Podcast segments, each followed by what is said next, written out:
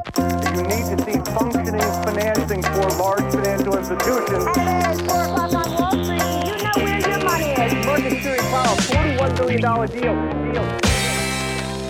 Man brukar ju säga att kunskap är makt och hela syftet med den här podden är ju att öka humankapitalet. Både för dig som lyssnar på podden men självfallet även för mig som får lära mig väldigt, väldigt mycket längs vägen och alla avsnitt jag gör. Idag kommer vi få lära oss mer om utbildningsföretaget Cedergrenska som är på väg till First North och därför har jag med mig VD Niklas Paulsson i podden som kommer få lära oss mer om det vi behöver veta kring skolväsendet i allra största allmänhet men självfallet Cedergrenska då på väg in på First North alldeles, alldeles strax. Varmt välkommen till podden Niklas! Tack så mycket! Riktigt kul att ha dig här. Jag tycker vi gör som så här, som vanligt så börjar vi från början. Vem är Niklas? Niklas, ja, jag är en kille på 40, det var en överraskande fråga att du undrar vem jag är. Nej men jag är 49 år gammal och eh, har väl, eh, kan man säga, dubbla dubbla karriärer och liv bakom mig. Jag har en gång i tiden varit eh, aktiv inom bank och finans på olika sätt men fick barn och fick chans att skola om mig till mitt drömyrke och bli gymnasielärare. Så att det gjorde jag för snart 15 år sedan och eh, det blev också startskottet för det som idag är CD-Grenska. Så att eh, Eh, dubbla liv, bank och finans och sen sen lång tid tillbaka nu eh, utbildning. Och där blir man ju såklart också nyfiken. Långt, långt tillbaka utbildning, du har startat upp CD-Grenska, ni kommer snart till börsen. Mm. Men vad fick dig att komma på idén att starta ett utbildningsföretag? Alltså jag ska vara eh, väldigt eh, rak med att det var nog inte någon eh, egentlig idé från starten utan min idé var att bli en duktig gymnasielärare. Jag spenderade tre och ett halvt år på lärarutbildningen när jag var 30, jag kan ha varit 36-37 någonting och tanken var bara att bli en jäkligt vass lärare. För det var liksom, jag har haft lärare i släkten och alltid drömt om att lyckas med det. Fick mitt första jobb på eh, Tibble gymnasium eh, för att jag hade gjort min praktik där. Hade inte så mycket koll på den skolan egentligen men eh, det var nog mer faktiskt så att, eh, att eh, möjligheten uppstod när de som hade varit med och privatiserat skolan bestämde sig för att eh, lämna över ägandet till några i personalen som ville axla manteln och driva det här vidare. Och jag tror där och då så, så var jag rätt person på rätt plats och eh, kunde se en drömkombination då att fortsätta få vara lärare men wow, samtidigt få bygga ett skolföretag. Ehm, det var ju lite som att få kombinera den här, de här två olika världarna som jag har fått eh, privilegiet att jobba i nu under min karriär. Så vilket år är det här? När var det som Tibble gymnasium den här möjligheten dök upp? Hur, hur när grundades Cedergrenska? Ja precis, 2010 så hade jag fått min, min lärartjänst där, jobbade som lärare och det året så eh, bestämde också de som hade 2007 varit med och privatiserat skolan bestämde sig för att de skulle pensionera sig. Så att 2010, där blev startskottet för eh, det som idag är Cedergrenska. Och vart kommer namnet ifrån då? Namnet kommer från en svensk familj som på slutet av 1800-talet eh, var väldigt, väldigt framgångsrika inom telefoni, bland annat i Sverige, tillsammans med eh, ett välkänt bolag Ericsson.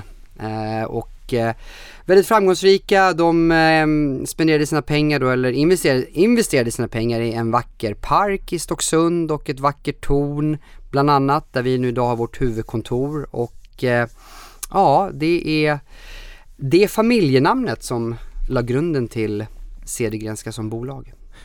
Dela grunden för namnet Cedergrenska som bolag, men vad gör ni då? Skolföretag har vi varit in på, berätta mer om Cedergrenska. Ja, Cedergrenska har nog alltid varit eh, tanken om det moderna skolföretaget, den moderna ägaren av skolverksamheter.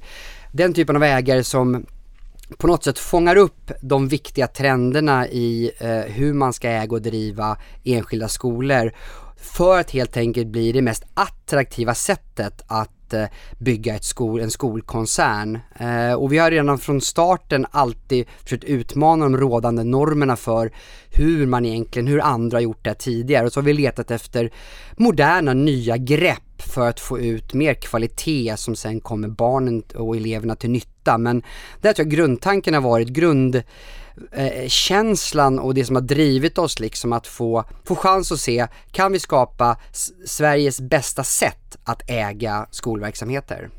Ja men det här är jättespännande för du kom ju in med mycket driv, engagemang och glöd när du ville utbilda dig då som lärare som jag förstår. Och vad, innan du kom in på utbildningen, så här, vad var liksom motivatorn? Vad känner du att du ville förändra? Både som, ja nu som företagare, som eh, ägare av Cedergrenska men kanske även i yrket som lärare? Nej, men jag tror att det här har jag nog gemensamt med väldigt många andra som, som, eh, som ser möjligheter i läraryrket och det är ju att vara den här, den här rollmodellen, den här starka personen som kan få är du duktig så smittar det av sig på så många barn och elever som, där du kanske faktiskt kan förändra deras inställning till vuxenvärlden, till sina egna möjligheter, till sin egen inlärning. Så jag tror, jag tror genuint att, att, det, att det var precis det som man såg att man själv kunde bidra med och det som du, om du frågar många andra vad de minns från sin utbildningstid och då lyfter de fram många starka individer som på, på, liksom, på djupet har påverkat dem eh, i, i deras liv. Och där tror jag att jag hittade mig själv och min egen drivkraft att få bli en sån, liksom att kunna påverka så många som möjligt i positiv riktning. Men jag tror att det är det som vi har tagit med oss till Cedergrenska också för att eh, vi vill ju hitta sätt att eh, lyfta fram och eh, och ge både ansvar och, eh, och, och möjligheter och, och premiera de som verkligen gör skillnad i skolans värld. För det var nog nästan det första som slog mig när jag kom ny in från mitt gamla liv. Det var hur, hur dålig man ofta var på att verkligen uppmärksamma eh, de som gjorde störst skillnad för barnen. Eh, och det var ganska ledsamt att se, men samtidigt en av många sådana här aha-upplevelser jag haft i den här äh, flyttet från bank och finans in till skolans värld att wow, det finns verkligen saker man kan förändra, lågt hängande frukter som ett, en modern skolägare kan kan, kan eh, rikta in sig på och verkligen tillföra någonting till de skolor man äger. Och vad är största skillnaden skulle du säga mellan finansvärlden och skolväsendet? Ja, största skillnaden är, det, det är faktiskt, eh, det tror jag är, är den, den här um, oviljan i skolväsendet att, eh, att frångå kollektivet och istället liksom ge ansvar och, eh, och, och beröm till de som lägger mest energi, kraft och gör störst skillnad för barnen. För att min erfarenhet var från bank och finans att de människorna lyftes fram gång på gång och fick mycket ansvar och fick bidra till sätta sin prägel på vilken verksamhet de än befann sig i. Men, men samma, samma eh, ansvar och möjligheter ges inte till, till duktiga lärare. Så att eh, det, det, det skulle jag säga, det är, en, det är en kulturfråga. Och du är ju förälder, du har barn. Eh, då blir ju vän av ordning också lite nyfiken, har de något val eller är det Cedergrenska skolor som gäller? Ja, det är så roligt för att eh, min dotter har nyligen då gjort ett gymnasieval och hamnade först hos en av våra konkurrenter och det tyckte jag bara var roligt. Hon gjorde väl sin hemmaläxa och letade efter någonting som, som var nytt och spännande för henne. Men det var så kul, eller kul och kul, men, men hon hittade, eller någon månad in på hennes första termin så, så ångrade hon valet och, och nu går hon på en av våra gymnasieskolor och Eh, efter att ha hamnat i reservkön där och tagit sig in då när det uppstod en plats lite senare. Men ja, ja så att idag går båda på, båda mina barn går på eh, två, eh, ena killen på en, en, av våra högstadieskolor och den andra på en av våra gymnasie, mina gymnasieskolor. Så att, eh, men det har blivit så. Jag, jag, jag, vet inte vad jag ska säga om det. Det, det fanns en chans där för, för tjejen på gymnasiet. Vi får se vad killen väljer för väg vidare. Hur ser den geografiska mix ut då? Var, var hittar man er i vårt avlånga land? Ja, vi har ju valt, jag tycker geografiska mixen är en, en, en, det är en del av den Cedergrenska modellen. Vi har valt att inte vara spretiga för vi tror att geografisk koncentration ger så otroligt mycket fördelar i det som jag kommer återkomma till säkert mycket i det här samtalet, det är samarbeten mellan skolor. Och samarbeten blir bara bra, vare sig man ska dela på personella eller fysiska resurser eller för den sakens skull samarbeta mellan pedagoger och skolledare, då är närhet till A och O. Eh, och det har vi i Cedergrenska. Så Cedergrenska hittar du i norra innerstan och nordost om Stockholm. Här är vi den starkaste privata aktören. Här har vi byggt ett geografiskt kluster och eh, etablerat det vi tycker är Cedergrenska modellen och, och, och lärt oss fördelar av att vara tajta geografiskt. Här blir man ju såklart väldigt nyfiken på när du pratar om den Cedergrenska modellen. Vad innebär det? Nej men det innebär kort och gott att du, vi vill ha många skolor som, eh, eller vi vill ha utbildningsverksamheter av hög kvalitet som ligger hyfsat nära varandra i, en, i ett geografiskt koncentrerat område där skolledare känner att oj, jag känner ju till de här andra namnen. Det kanske är, är, är konkurrenter till oss, alltså då samma ålder som vi själva gör, samma stadie. Eller så är det yngre eller äldre barn eller lite varianter av utbildning. Men det är, men, det är att det här är människor de vill samarbeta med. Man känner att wow, här, för att ta min skola vidare, då kommer det vara fördelaktigt för mig att ingå i ett sammanhang där jag har tillgång till andra duktiga skolledare. Det är en del av Cedergrenska modellen. Det andra är att du ska känna också att jag befinner mig i det här geografiska klustret och här tillsammans med de andra verksamheterna i Cedergrenska så delar vi på väldigt mycket starka, engagerade, gemensamma personella resurser. Det kan ha att göra med eh, IT och service, det kan ha att göra med kommunikation och marknad, löneekonomi etc. etc. Skolchef, elevhälsa, alltså kunskaper som vi vet vi kan bygga mycket starkare om vi, om vi bara kan acceptera att vi också delar på dem. Eh, men det kommer vi acceptera så länge vi känner att vi har dem nära oss och det inte är utspritt över stor yta. De finns där och känns verkligen som våra egna resurser. Och sist av allt fysiska saker. Det är så många olika bra fysiska eh, tillgångar. Det kan vara en hästgård, det kan vara ett torn, det kan vara en, ett fartyg. Sådana saker som en skola kan sitta på och om man inte anstränger sig för att dela på det, då fastnar det hos en av skolorna. Med Cedergrenska modellen, då gör vi det tillgängligt, enkelt för alla. Och det gör att det helt enkelt blir lite roligare och, och, och den här kryddan på utbildningen för våra skolföretag. Ja, vi sa ju här i början att kunskap är makt. Och så är det ju verkligen. Jag menar, för oss som har gått i skolan inser ju att det är en enorm skillnad på en lärare som är driven, motiverad och förklarar för sina elever varför man ska ta till sig den kunskapen och att man också lär ut den på rätt sätt kontra någon som kanske är lite skoltrött om man så säger, som kanske inte är rätt person på rätt plats. Ni har ju en vision om att vara Sveriges främsta arbetsplats för kompetenta pedagoger och därmed också ge bästa förutsättningar för barn och elevers lärande. Hur gör man för att säkerställa det här i praktiken och liksom attrahera de absolut bästa pedagogerna, lärarna? Mm. Ja, jättebra fråga och, och det här är också, det här är ju eh, ner till till kärnan liksom av vad vi som en modern skolägare, vad vi ska tillföra våra skolor. För vi, som sagt, vi ska inte lägga oss i exakt deras eh, dagliga pedagogik eller utseende eller utförande. Men däremot är det just en sån här fråga som vi, som vi ska tillföra strategiskt värde. Och eh, då kan jag börja med liksom bara en reflektion om när man kom från bank och finans in till skolans värld och man såg att de fightades om, om, om hundralappar i, i lönerörelsen mellan en lärare som jag visste var helt fantastisk och avgörande för barnens utveckling och kanske en lärare som du var inne på som kanske var var, var, var trött och inte hade liksom gett sitt yttersta. Och det var så otroligt små skillnader som det ändå uppstod stora fighter om. Så det första vi var tvungna att göra om det var ju liksom prioriterings och, och lönesystemen så att de som gjorde störst skillnad också fick markant bättre påslag än, än, än övriga lärare. Och det är klart att det var, en, det var ett, ett, ett, ett, ett break då, ett bryt mot en kultur som hade funnits länge på vissa av skolorna. Men det var ändå så roligt, när man väl orkade genomföra det, då fick det, man ju väldigt bra respons hos skolledare. Det här är någonting som de kanske innerst inne hade velat göra, men, men aldrig orkat genomdriva. För många såg logiken i det, men man fightas mot en kultur som har suttit i, i väggarna under lång tid. Och jag kan ge ett annat bra exempel på det ska inte bli för långrandig på frågan men du frågar om konkreta exempel och Man kan inte bli för långrandig i den här podden. Nej men vad härligt, men då, då, det, här, det, här, det här, jag älskar just det här exemplet för att eh, för några år sedan så hade staten också kommit på att, ja men vad bra om det finns en titel, en certifiering för de lärare som är det som Niklas som du lyfter fram, de här som gör störst skillnad. Tänk om vi kunde höja, höja statusen för yrket genom att de fick en mer tydlig roll, tydlig titel i skolans värld. Så då införde man det här som kallas för första lärare. Och då sa man liksom att de ska, uppleva, de ska leva upp till massa olika tuffa kvalitetskrav. Dessutom ska de också ha minst 5000 kronor extra i månadslön, vilket är ett stort påslag för, för en lärare. Och för att få det här att rulla och komma igång på alla skolor i landet, då kom, gick man ju ut med ett stödpaket där man sa att okej, okay, alla ni skolor, i förhållande till er omsättning så kommer ni nu, i er storlek då, så kommer ni få hjälp av oss ekonomiskt att utse ett antal första lärare. Men om ni kan strukturera om eller hitta pengar på annat sätt så får ni gärna anställa fler första lärare. Men det här, men grundplåten får ni av oss, staten.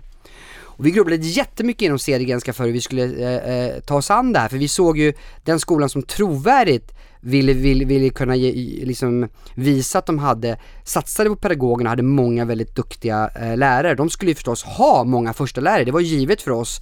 Så vi använde hela sommaren där minns jag till att bara se hur vi kunde förändra vår, vår organisation, effektivisera den för att ha så många första lärare som möjligt. Och vi var väldigt spända på att se vad resten av skolsverige skulle göra. Så kom hösten, det började bli officiellt eh, hur det såg ut på alla skolor vad gäller satsningar på första lärare.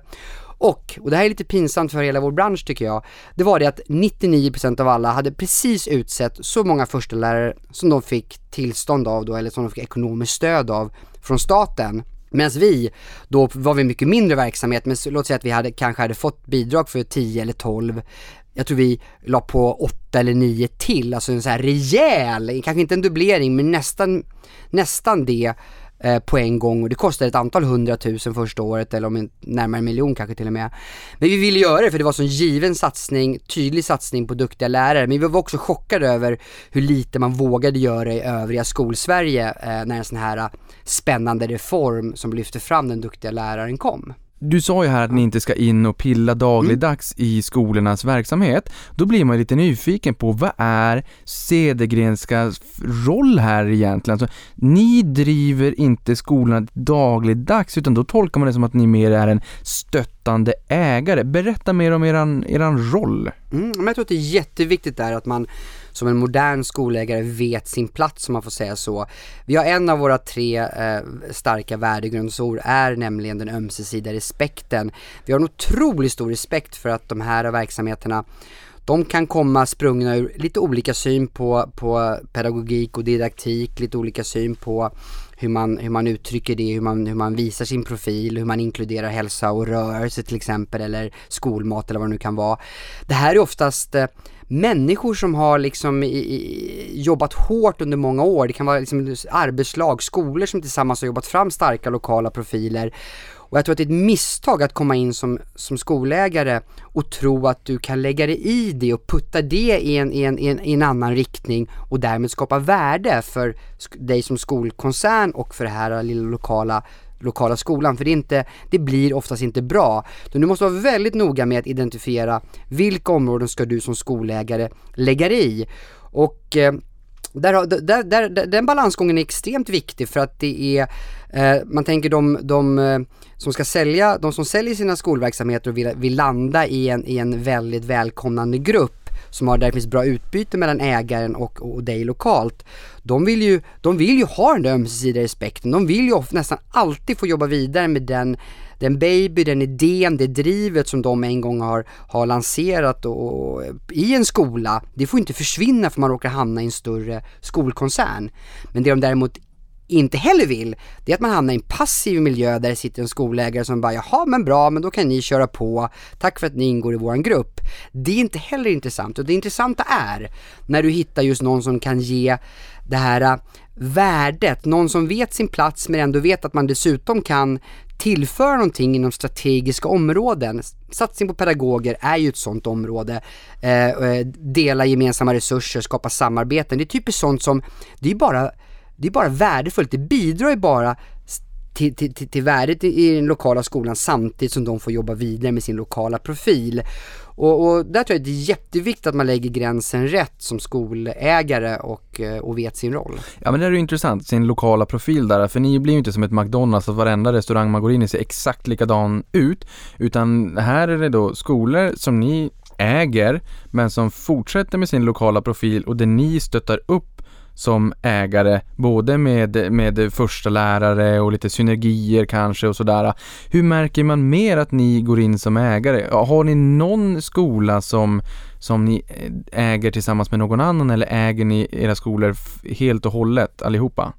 Vi äger dem helt och hållet allihopa. Det som har hänt är att någon som säljer sin skolverksamhet eh, eh men tror på hela Cedergrenskas upplägg vill också gärna i den processen bli delägare i hela Cedergrenska. Så det har varit en, en, en, en, en vanlig sak då som, som har hänt här men, men eh, annars äger vi våra skolor till 100 procent att, eh, Ni har ju två rörelsegrenar. Dels skolverksamheten nu som har- vi har varit in på mycket och sen har ni ju en fartygs och restaurangverksamhet också. Och där hittar vi ju även Cedergrenska tornet, alltså ert hö- högkvarter, vad säga, ert huvudkontor. Berätta mer om de här eh, två rörelsegrenarna. Ja, nej men Cedergrenska tornet är ju en, eh, om man bara börjar med det som, som huvudkontor så är det ett fantastiskt ställe att få, få samla då. Eh, vi sitter ungefär lite över 20 personer där dagligdags när det inte är eh, pandemi i vägen då men det är, ett, det är ett fantastiskt ställe att få ha sitt huvudkontor på och, och som, blir, som blir en samlande punkt här i nordostsektorn för, för våra, våra skolor och en tydlig, tycker jag, markör för vårdnadshavare och elever om det, att, att huvudmannen, eh, där huvudmannen finns. Ehm, men sen ja, vi har restaurang och festverksamhet. Eh, vi, det, är- det är fem våningar på tornet tror jag och jag tror vi sitter i två. Så att gott om plats för konferenser, 50-årsfester, bröllop. Naturligtvis en verksamhet som har varit ganska eh, lågintensiv nu under det här eh, läsåret men gott om bokningar till hösten och många som hoppas på att komma igång med festverksamhet och Eh, det är ju onekligen när man är på takterrassen där och ser ut över hela Stockholm och, och vattnet och skärgården så är det ju ett unikt ställe att, att ha en eh, höst eller, eller vår eller sommarfest eh, eller bröllop på. Det, det, det, det känner man ju. Men det här blir man lite nyfiken på för det här blir ju också nu, de, de flesta av den här typen av avsnitt när jag bjuder in börsbolag så vill jag att det ska vara lite statiskt, att man kan lyssna flera år framåt och, och få sig en, en bild av bolaget ändå. Det här blir kanske lite mer relevant nu, nu, nu för vi befinner oss i pandemin, förhoppningsvis på väg ur den. Bokningsläget här, bröllop och stora fester och sådär, är det ens möjligt att boka nu? Eller är människor optimister och har bokat långt i förväg och hoppas på att vi Ja, öppnar upp? det är fullbokat i höst liksom. Det är, folk, har, folk har skjutit upp sina firanden, eh, bröllop, 50-årsfester och så hoppas man att eh, restriktioner ska lättna och att det här kommer gå bra i, i höst också. Och det ska jag säga, det, det är någonting som, som, eh, det är inte bara våra externa gäster som hoppas på det här. Vi har ju Cedergrenska tornet och eh, som, som, som, eh, som eh, trevlig lokal att vara på. Det är ju en central punkt där vi också vill samla våra skolor. Vi har som en tradition att vi bjuder in till after works till exempel, vilket jag inte tror så många andra skolägare aktivt gör, men det är ju vi till Cedergrenska och det är ett så här härligt sätt för, informellt sätt för våra lärare att få träffa andra lärare, andra medarbetare och bara mingla. Vi bara längtar efter att sådana grejer ska kunna komma igång också, för det är någonting som vi kan ge tillbaka till de bolag som, eller de skolor som ingår i Cedergrenska. Och förutom då att vara här uppe i tornet och blicka ut över Stockholm så kan man också vara på Böljan Blå. Ni har ett fartyg också. Mm. Ehm, berätta mer, hur, hur kommer det sig att ni har ett, ett fartyg i verksamheten? Ja, vi har faktiskt många olika fartyg. Ja, många till och med. Ja, Jag har sett i, jag har sett i er redovisning också ni är lite, eh, var det hundraåriga avskrivningar på fartyg säger man där. Ja det är, det är en del, berätta. Det, är- det är en ny värld. Nej men vi har många olika fartyg och, och, det, och det, det är himla häftigt. Jag ska börja med ett av de mindre som heter Petsamo som är eh, en, eh, en ombyggd båt som måste ha en 70-80 år på nacken nu. Den är ombyggd till att uh, kunna ta bottenprover, anal- det är som ett, la- det är som ett laborations, uh, eh, lite laborationsfartyg för en halvklass att komma ut på havet, undersöka Östersjöns havsbotten, undersöka vattenkvaliteten. Det är en, det är en, det är en, liksom en, en riktig eh, viktig del av de som läser naturbruksprogrammet på, på Marina läroverket då. Eh, för att liksom verkligen hands-on få uppleva eh, Östersjön. Och det är så bra exempel på samarbete för det är en typisk så här, härlig bra tillgång som har använts av en ursprungligen då, av en av våra gymnasieskolor men när vi väl det kommer in i Cedergrenska då ser man ju till att få ut våra andra gymnasieelever och, och, och andra då eh, högstadieelever också ut på havet ah, för de här tillgångarna används ju inte 24-7 och står ju stilla mycket när det bara är en skola som, som ska använda dem. Och det är samma sak gäller det, det, det, det skeppet som du egentligen tänkte på då som är 11 som seglar Egentligen ska det ner och segla ut över, över Kanarieöarna och, och neråt där eh, men håller till i Östersjön av förklarliga skäl just nu. Men det är också en fantastisk upplevelse att få ta ett, en del av din gymnasietid ombord på ett sånt, eh, ett sånt härligt eh, fartyg. Ja, för ni har ju också en yrkeshögskola. Mm de är också belägna i de här skeppen va? Ja precis, de är, de är belägna i skeppen så att, eh, men, de, men det är också mycket tid på, de är faktiskt uppe i Serienska tornet mycket och sitter i, i lokaler där och, och, eh, och tar sina, det är mycket teori. Men de varvar teori med praktik, de är ute på Idskär, vi har ju en liten skärgårdsö också som vi hyr in oss på. Eh, där man kan vara ute med då, där vi kan ta ut de här eh, yrkeshögskolan och köra ett par intensivt ett par dagar ute på, på Idskär då utanför Vaxholm. Det låter väldigt trevligt och ni har ju skolverksamheten då, den delas ju upp i olika segment. Där har vi förskola, grundskola, gymnasieskola och yrkeshögskolan här då som vi var in på nu då. Hur ser fördelningen ut mellan de här och finns det någon lönsamhetsskillnad i de här olika segmenten? Ja, eh, man kan säga så här att det absolut största segmentet det är gymnasieskolan, det är hälften av vår omsättning. Det näst största segmentet är grundskolan. Eh, jag skulle säga att det kanske är eh, 35% av vår omsättning. Och sen så är eh, förskolan, eh, det, det är hyfsat sådär, det är liksom, det är tredje största då eh, och har väl idag en 550, närmar sig 600 barn. Sen är eh, yrkeshögskolan liten, här pratar vi 60 elever ungefär som, som rullar på. Men den är spännande, den håller på, de har, den, är, den är marint inriktad och Eh, det finns inte så många sådana yrkeshögskolor i Sverige så vi får faktiskt förfrågningar idag om att eh, i olika joint ventures eh, starta upp med andra städer i landet för att ge marin yrkeshögskola till, till vuxna. Men så ser fördelningen ut, så att, och du frågade om lönsamhet, ja det är ju, det är ju lite tråkigt så kan man säga så här, men, men, det är, men, men, men faktum att den, det segmentet som, som kommunerna satsar minst på det är ju, eh, det är ju förskolesegmentet. Och så har det varit under många år, många har varit kritiska till det men inte jättemycket som händer. Man verkar resonera från, från kommunernas håll att det är mer värdefullt att ha en högre skolpeng och satsa på utbildning då i grundskola och gymnasium. Eh, så att, eh, så att eh, det, tyvärr är det bilden eh, och den speglas även i vår lönsamhet. Vi har ju lägst lönsamhet på just förskolesegmentet. Men det spelar inte så mycket roll för oss. Förskolan är jätteviktig av andra anledningar. Den är en fantastisk samarbets och inkörsport till, eh, till lågstadiet. Eh, där man kan få till bra samarbeten som, som både pedagoger och, gynnar pedagogerna och, eh, och barnen.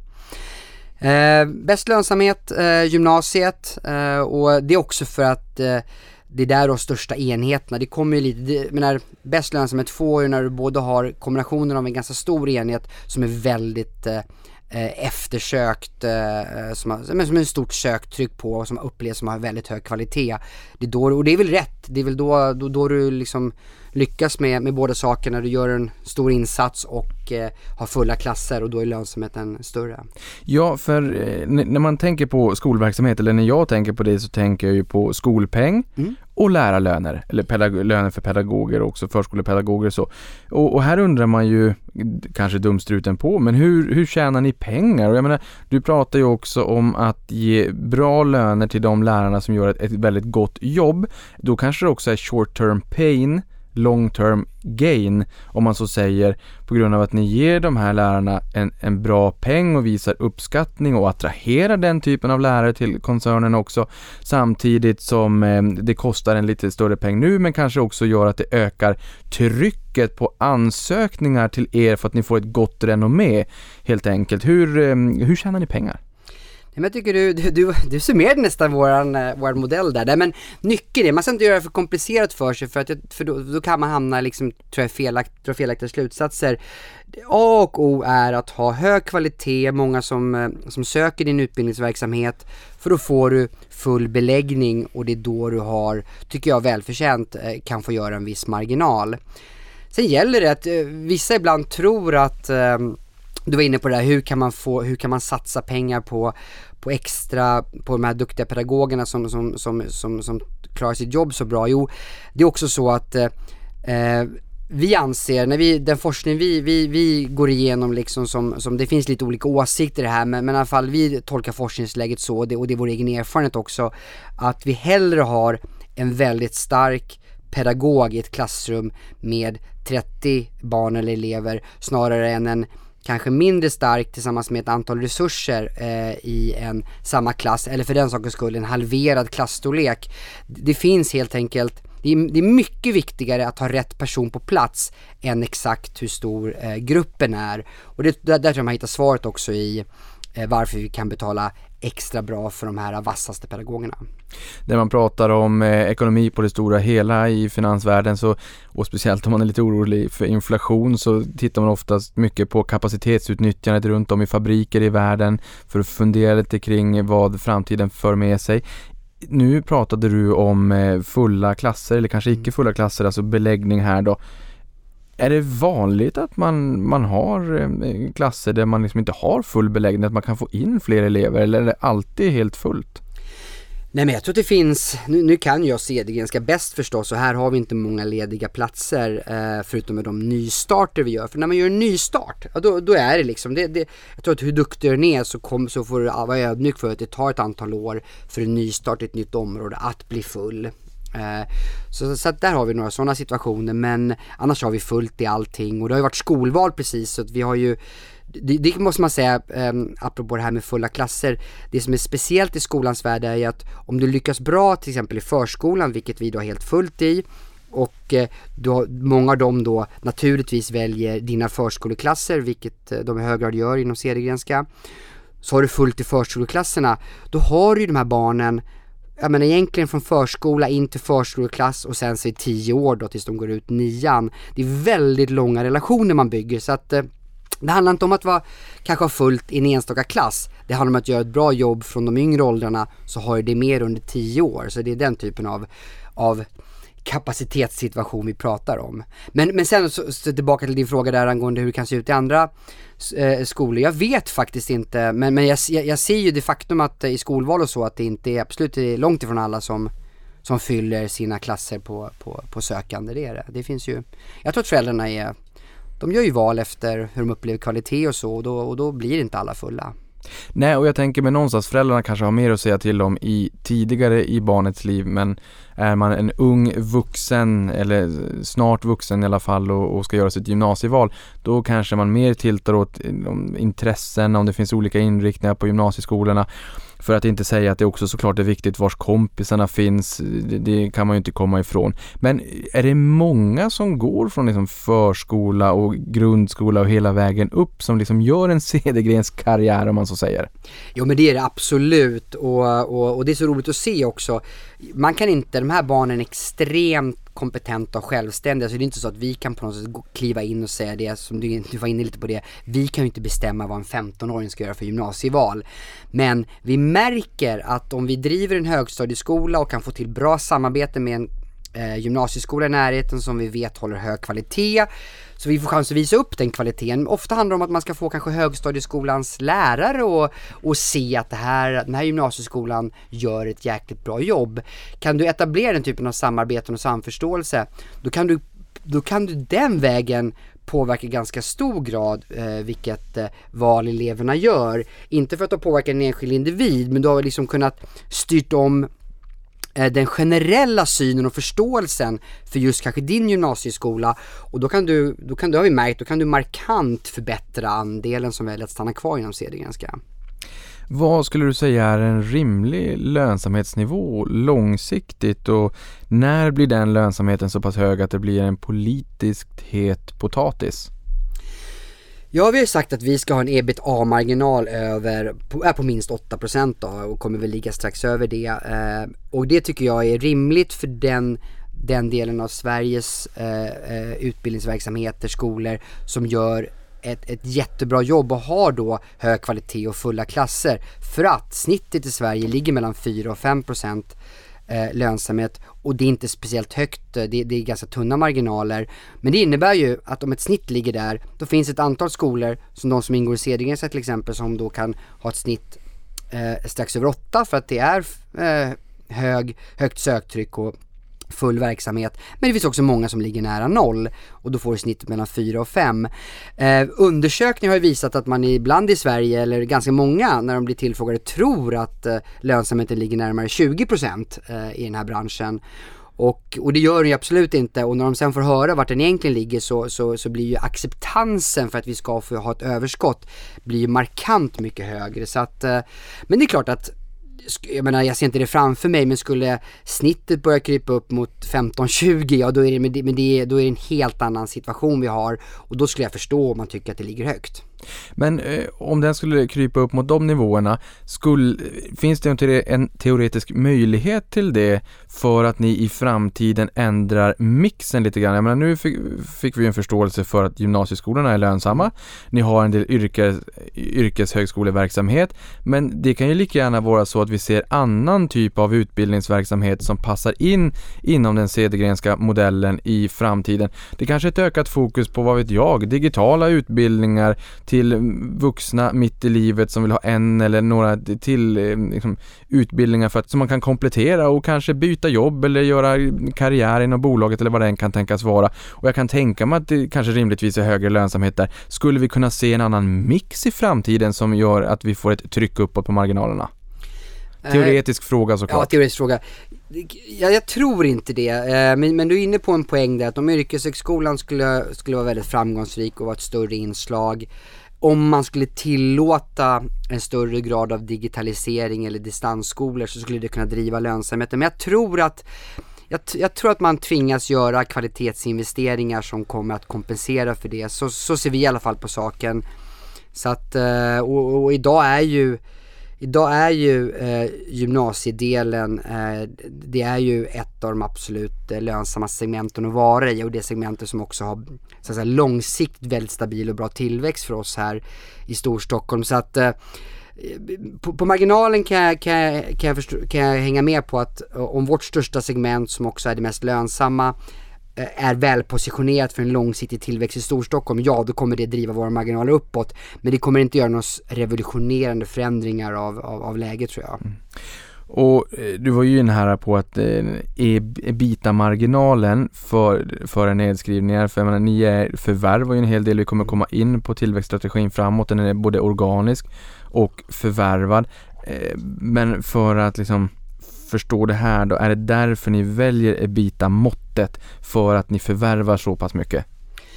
Eh, ja, precis. Nej, men det är så vi tänker att det, det, det reflekterar bäst eh, den affärsmodell vi har. De som är kritiska då till, eh, till utbildningsväsendet överlag i privat regi, vad är de vanligaste argumenten och hur eh, bemöter du dem? Ja, det är våra, jag tänkte säga, våra vårdnadshavare och personal, de är så nöjda att vara i den här privata sfären så att vi, det, det, det förekommer inte så mycket. Jag möts inte på något sätt av, av, av dagliga eller ens regelbundna diskussioner inom eh, liksom Cedergrenskas eh, eh, elever och dess vårdnadshavare som är kritiska till det, det, det privata upplägget snarare tvärtom. Det, det är väl, jag skulle säga så här, det blir väldigt, det man får är snarare det här, nation, det här som är på nationell basis via, via media också, vilket blir väldigt generellt. Det känns fel att få göra vinst i, i en sektor som, eh, som är skattefinansierad och där alla medel borde gå till, eh, till, eh, till barnen. Så att det, det, det är väldigt sällan, jag skulle säga att det är det är väldigt sällan på praktisk lokal nivå som det finns kritik för där vet både vi och, eh, och tänker politikerna och tjänstemännen att vi verkligen behövs och, och gör nytta. Så där finns ingen kritik skulle jag vilja säga. Utan det är på nationell nivå och då blir det väldigt generellt för branschen i, i, i helhet. Men hur ser du då på den politiska risken överlag? För den, den, frågan kommer ju, den finns, den kommer fortsätta att finnas. Det kommer säkert i framtiden kunna vara artiklar som skrivs medialt eller reportage eller vad det kan tänkas vara som eh, pekar finger åt det privata. Eh, vilket gör att ibland har vi sett att eh, aktier har tagit lite stryk på det där samtidigt som då får man ju också komma ihåg att bakom varje aktie så finns det ju en verklig verksamhet med personal och med kunder eller liksom i det här fallet då elever där ni gör nytta och vill, verkligen vill ge dem den bästa utbildningen. Det är ju en del av, av er vision också att attrahera de bästa lärarna för att ge bäst förutsättningar. Men eh, och där måste man också komma ihåg då att den här risken kommer alltid finnas som en, en liten våt filt. Mm. Men hur ska man tolka och tänka som investerare i de lägena? Men jag tror att du var inne på en bra poäng att det är, man får göra skillnad mellan den nationella debatten och det slagträ som skolan alltid kommer vara, är, är jag rädd för och vad som händer i vår dagliga praktiska värld. Jag sover gott om nätterna för att jag träffar politiker och och, tjänstemän i kommunerna som verkligen behöver våra, eh, våra tjänster, våra skolor för att kunna leva upp till de eh, eh tillväxtambitioner de här kommunerna har. Eh, de vet om att eh, de själva, det blir för dyrt när de själva ska tillfredsställa det behovet som behövs av, av utbildningsverksamhet och eh, när de har en, som Cedergrenska då, när de har en privat aktör som gör det här bra, då vill de gärna att vi ska ta hand om det. Så att jag ser ju i det, i mitt, i det praktiska livet eh, vilken, hur vi behövs och vilken nytta vi gör och då blir man inte så orolig när det dyker upp på nationell nivå som ett, eh, som ett, som ett slagträ. Så vi försöker ju att inte jag tycker det är viktigt också för våra, vår personal för att de blir väldigt, de kan bli väldigt, man kan bli väldigt ledsen liksom när man ser hur, hur det privata utbildningsväsendet får sig kängor och så vet man själv som som då lärare till exempel att man, man har hamnat i en verksamhet som man vet är väldigt bra för barnen och då, då kan det kännas väldigt hopplöst ibland när det blir för, för, för mörkt då eh, i, i den nationella debatten. Så det, det tycker jag är kanske det tråkigaste påverkan. Jag försöker bara bortse ifrån det för jag känner mig trygg i den lokala praktiska situationen som, som vi befinner oss i. Ja, för här får man ju ändå backa tillbaka lite grann och komma ihåg då er vision som då handlar om att vara Sveriges främsta arbetsplats för kompetenta pedagoger och därmed ge bästa förutsättningar för barn och elevers lärande. För mig som förälder så låter ju det väldigt bra. Du pratade här om tidigare att ändra om incitamentstrukturen i skolorna även om det är jobbigt mm. att dra det plåstret men att faktiskt göra det och skapa incitament för de här duktiga lärarna som verkligen gör avtryck både nu och för resten av livet. Vi kommer ju alla ihåg våra mm. lärare, om de var bra eller om de inte var bra. Det får vi ändå liksom komma ihåg. Vad är vad tycker du liksom är den viktigaste faktorn att trycka på i ett sånt här läge där det kanske dyker upp en mörk rubrik i media och personalen kanske blir lite ledsen och tycker att det här, det här um, reflekterar inte verkligheten. Nej. Ni ska titta på det här och det här och det här liksom. När man frågar folken ute på, på, på, på linjen som kan verkligheten kontra en, en dramaturgisk sötma i rubriksättningen i media. ja.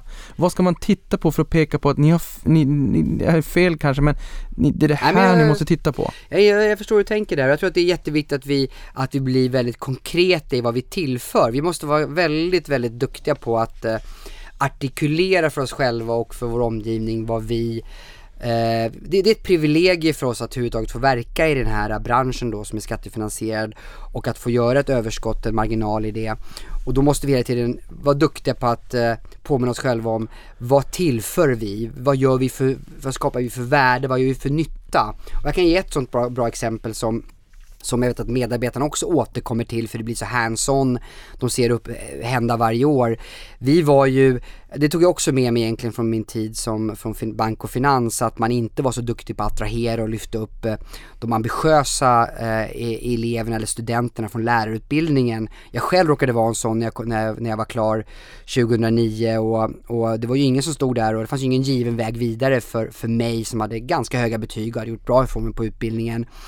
Och det var någonting som vi fort ändrade inom Cedergrenska och startade ett traineeprogram på riktigt liksom för de ambitiösa nyutexaminerade. Och vi har 5-6 platser varje höst, det är över 100 sökande till de platserna. Och alla lärare på våra skolor vet ju att innan vi införde det här, då hade vi jättesvårt att attrahera duktiga unga människor. Man liksom bara såhär, varför, det var kul hade varit om det hade kommit in lite, lite nya liksom med fräscha ögon från utbildningen som kan vara liksom del av vårt arbetslag. Hur, får, hur kommer vi åt dem? Uh, och så och så märker man nu att, ja men okej, wow, man kan faktiskt, man kan faktiskt förändra, man kan, man kan göra någonting nytt, tänka nytt, premiera de här, eh, marknads, eller liksom kommunicera gentemot dem, de ser oss, de kommer till våra skolor. Det är sådana exempel som är så otroligt viktiga, för när den mediala debatten går igång som kan vara väldigt mörk kring, eh, kring om, om vi ska få finnas eller inte och, och att vi liksom i värsta grad kanske ses som parasiter då, då, då får man gå, komma tillbaka till alla de här exemplen. Jo men okej, vi är faktiskt den skolan eller den skol, det skolföretaget som satsar mest på första lärare i hela landet. Vi är ganska ensamma om att ha ett traineeprogram för nyutexaminerade och så vidare och så vidare. Det, det, är den typen av, det är där man hittar liksom tryggheten i, vi, vi behövs, vi tillför någonting. Och om man gör det, om man, om, när, vi, när vi känner att vi gör det, då kan det skrivas så mycket negativt som helst. För vi vet ju i den dagliga praktiken att vi tillför någonting extra som, som, som även på nationell nivå är bra för landet. Vem är det då som söker sig till era förskolor, grundskolor, gymnasier, eh, yrkeshögskolan som ni har här också? Vem söker sig till er? Du tänker på um, eleverna? Mm. Ja, det är ju väldigt olika för att börja i de yngre åldrarna så är det ju ofta vårdnadshavarna som är väldigt aktiva i den här äh, sökprocessen äh, av förståeliga skäl när man, är, när man är eh, bara ett barn då.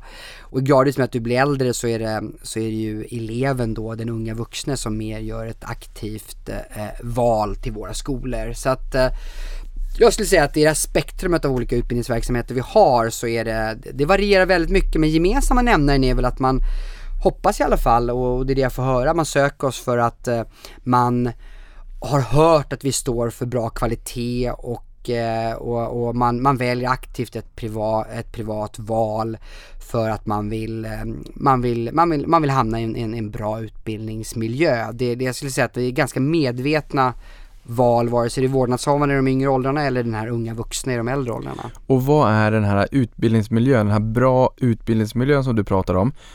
Hur ser den ut idag 2021 jämfört med när du gick i skola? Jämfört med när jag gick i skola?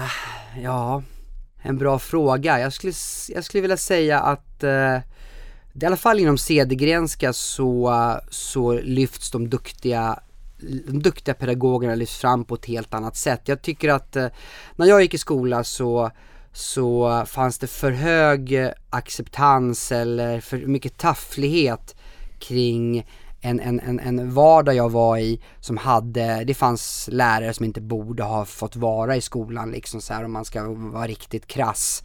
De borde ha, de, de borde inte få undervisa eh, barn och elever och de hittar du inte i, i exempel av Cedergrenska skolor idag så att eh, det, det, det, är en enorm skillnad liksom att toleransen, den här toleransen för vad som är liksom minimikvalitet för att få ta hand om barn och elever, den har förändrats tror jag dramatiskt från när jag gick i skola till ser inom Cedergrenska i alla fall idag. Och hur arbetar ni med digitaliseringen och digitala inslag? Jag har, mina barn är ju alldeles för små, det är ju förskolenivå, men jag har andra kollegor som pratar om exempelvis Kahoot som mm. är ett noterat mm. bolag med, med, utbildningsverktyg och hur man använder liksom plattor, eh, paddor det vill säga och datorer med, med eh, olika typer av digitala verktyg för att göra lärandet lustfyllt mm. etc. Jag kan bara tänka mig att mina barn, man har, de, de har det som minimikrav. Mina barn var väl ett när de satt med sina paddor och förstod dem bättre än vad jag gör. Hur jobbar ni med, med digitalisering och digitala verktyg i, i vardagen?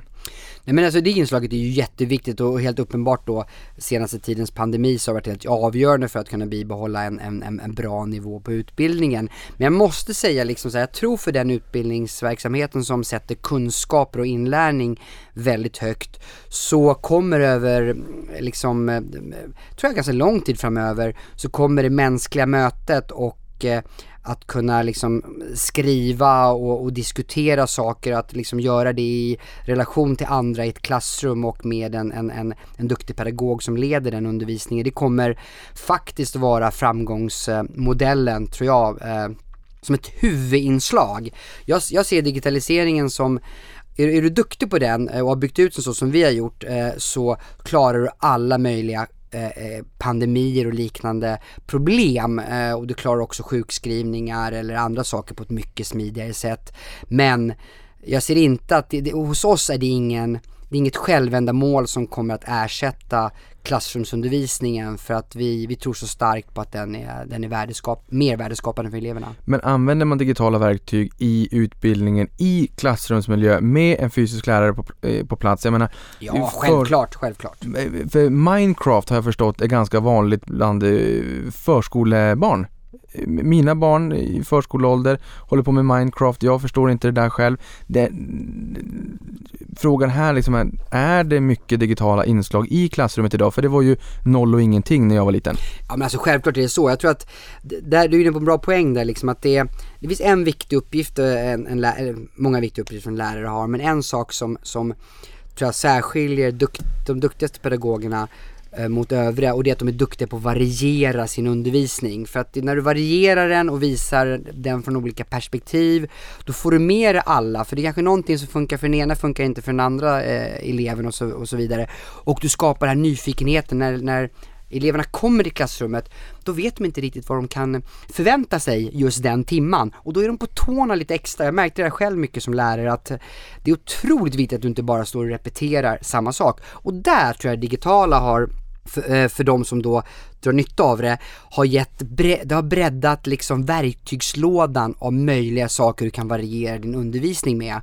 Och, och det gör att, du, att, att det blir en, en, en mer intressant eh, eh, undervisningsmiljö att vara i för barnen. Så att det, det är en stor fördel. Ja men det låter ju väldigt roligt för jag menar det finns ju många roliga lustfyllda sätt, inte minst med gamification och om det nu är så att det är ett, ett spel och du ska lära dig Europas flaggor och det är kanske är en leaderboard om man ser vem i klassen som kanske är allra duktigast och då kanske kan få någon form av symbolisk present för det där eller någon, vad det då kan tänkas vara. Att det blir roligt och helt plötsligt så, det, man, man ser det bara som roligt och sen helt plötsligt så lär man sig rätt Mm. mycket på vägen. Men som sagt det var inga digitala inslag alls när jag var liten, man kunde få sitta i datorn någonstans i ett separat data, datorrum men eh, och, och där skulle man nog förmodligen säga att ha roligt, det, det, det, får man göra. Ka, Lattjo Ja. kanske på roliga timman, max en timma i veckan.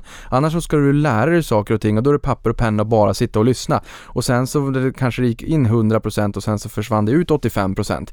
Nåväl, det, det... Nej men det är du är inne på ett roligt spår. Jag kan bara ge en, en sista exempel på det. Jag är historielärare själv och, och jag vet att när en, en, en klassiskt moment som, som väldigt, framförallt vi, många killar går igång på det är andra världskriget förstås liksom. Man tycker det är väldigt spännande. Och eh, där finns det ju möjlighet idag och jag vet att jag själv använde i min undervisning nu eh, för ett tag sedan. Där kan du visa upp 3D-modeller till exempel av de fordon eller flygplan som fanns då och eleven kan studera det liksom underifrån och snurra på den och liksom se den på, ett- på ett häftigt sätt. Och, och, och nu är inte det kanske det, det, det, vill jag lyfta fram mer som, gör för att exemplifiera just poängen av att du varierar din undervisning. Du behöver inte komma dit och läsa en sida med fakta om fordon. Du kan istället få se dem och snurra på dem och vrida och vända på dem och, och se fakta på det sättet. Och sen Gör man det en gång av liksom ett, eh, tio olika lektionstillfällen, ja men då får du i alla fall den här roliga twisten som, som gör att man har energi när man kommer in i klassrummet. Just det, och att det kanske fastnar lite mer också eh, när man får lite hands-on. Hur, hur är ni positionerade i marknaden och vad differentierar er gentemot konkurrenterna då? Men jag skulle säga så här, positioneringen är pedagogen i fokus liksom. Det är alla olika sätt som vi ser till att lyfta fram de duktiga pedagogerna och Eh, de möjligheter vi har till samarbete. Det finns ingen skolkoncern av de privata koncernerna som så tight eh, eh, har en grupp av skolor som, där, man, där man kan samarbeta mellan varandra för att utveckla skolorna. De som kommer närmast det är ju kommunerna för de sitter ju faktiskt onekligen på många utbildningsverksamheter i ett, i ett, ett tajt geografiskt utrymme, eh, område och borde kunna hitta många samarbetsmöjligheter men det sker inte så mycket av, den, av det inslaget tyvärr. Så att eh, jag skulle säga eh, eh, samarbete och fokus på, de, på, på, på kompetenta pedagoger, det är liksom det som skiljer oss. Och i den här världen så brukar man också prata om vallgravar. Vilka är era vallgravar för att hålla konkurrenterna någorlunda stångna? Sen kommer vi komma in på den totala adresserbara marknaden och det finns ju plats för väldigt många aktörer i den här marknaden självfallet. Men lite grann om vallgravarna och också lite grann om inträdesbarriärerna för nya aktörer in i den här marknaden. Hur ser de ut? Nej men det är väldigt, väldigt tufft att komma in som ny aktör på, på, på utbildningsmarknaden i, eh, i, i Stockholm eller Sverige för att vårdnadshavare är väldigt, eh, ja, men väldigt kvalitetsmedvetna, väldigt kritiska. Det dyker upp ett helt nytt namn som inte liksom, de kan de kan eh, lova guld och gröna skogar men, men oftast vill vårdnadshavare se att det finns track record, att man eh, har bevisat sig eh, innan, innan man får förtro- för att få förtroendet helt enkelt. Så att eh, det är, det är, jag skulle säga, och dessutom som vi ser från, eh, från eh, tillståndssidan så är det väldigt svårt idag att få tillstånd, nya tillstånd, speciellt på gymnasiemarknaden för att få starta nya skolor. Kommunerna som jag sa som behöver hjälp med att eh, ta hand om, om, om, om det här utbildningsbehovet som kommer av att kommunerna växer. De, kan, de vågar inte heller lämna ut det på, på nya okända aktörer för liksom så här, det är ju det kan ju faktiskt sabotera hela stora planen med att bli en större kommun och, och, och växa och all den aspekten. Du, du, du är extremt noga med att välja etablerade trygga aktörer och samarbeta med i de situationerna. Så att eh, jag skulle säga, och, och om man, förlåt om man, om man bara slutar också med det här med förvärv, det är de som, som, som idag säljer sina, sina babies, de som har byggt upp fina skolverksamheter eh, och, och, och sådär.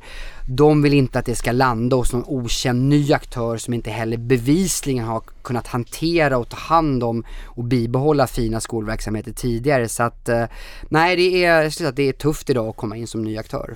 Och eh, vilka skulle du säga är era närmsta konkurrenter? Kommunerna är ju uppenbart de stora närmsta konkurrenterna. De sitter ju på över halva skolmarknaden eh, idag. Så det är de stora konkurrenterna. Sen är ju, möter vi dagligen skolor som kanske ingår i att växa eller som ingår i eh, eh, Futura-gruppen eller i eh, Academedia. Eh, så det, det är, de, det är de, de, de, de klassiska skolkoncernerna som gör som är seriösa och etablerade och gör bra ifrån sig, de möter vi i, i, i, våra kommuner också.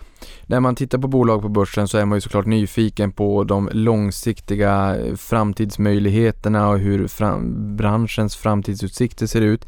Ehm, I ert fall så ehm, blir det ju väldigt intressant att titta på demografi såklart.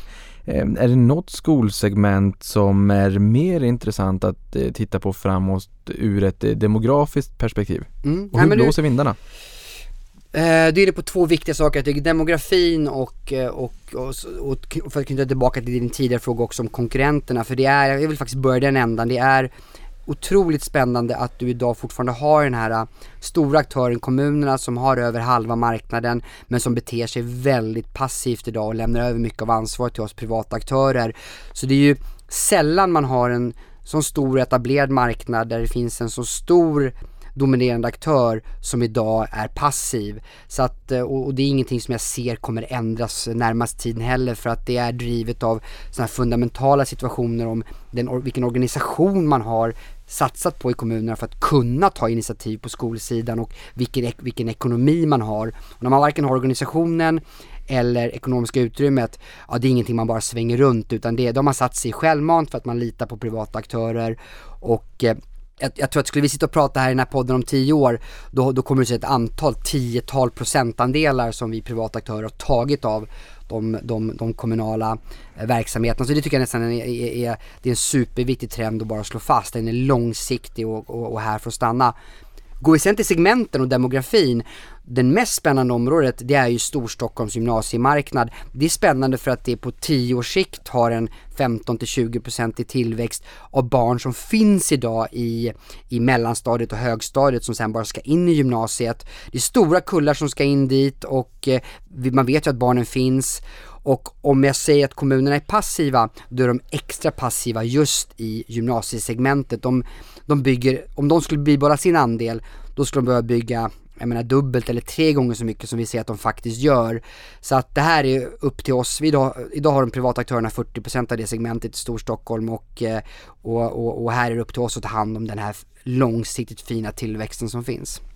Ja, och långsiktigt fina tillväxten som finns så kan vi väl bara notera också att i ert prospekt så skriver ni att svenska befolkningen har ökat med 1,4 miljoner under 2000-talet och det här har skett då via positivt födelsenetto, det vill säga att det har fötts fler än vad som har dött, eh, ökat antal födda barn per kvinna och dessutom ökad immigration. Ehm, och antalet barn födda i Sverige uppgick till 90 000 barn per år under 2000-talet och ökade ju faktiskt även då till 115 000 under 2010-talet.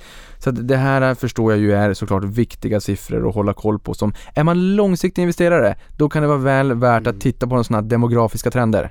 Ja men det tickar på, det tickar på de här fina 2, 3, 4 procenten bara underliggande eh, av just det skälet du nämner. Uh, och jag vet inte om du nämnde det, men urbaniseringen det är ju en trend som gör att det är just storstadsområdena som vi fokuserar på, för där har man störst chans att skapa rätt storlek på geografiska kluster.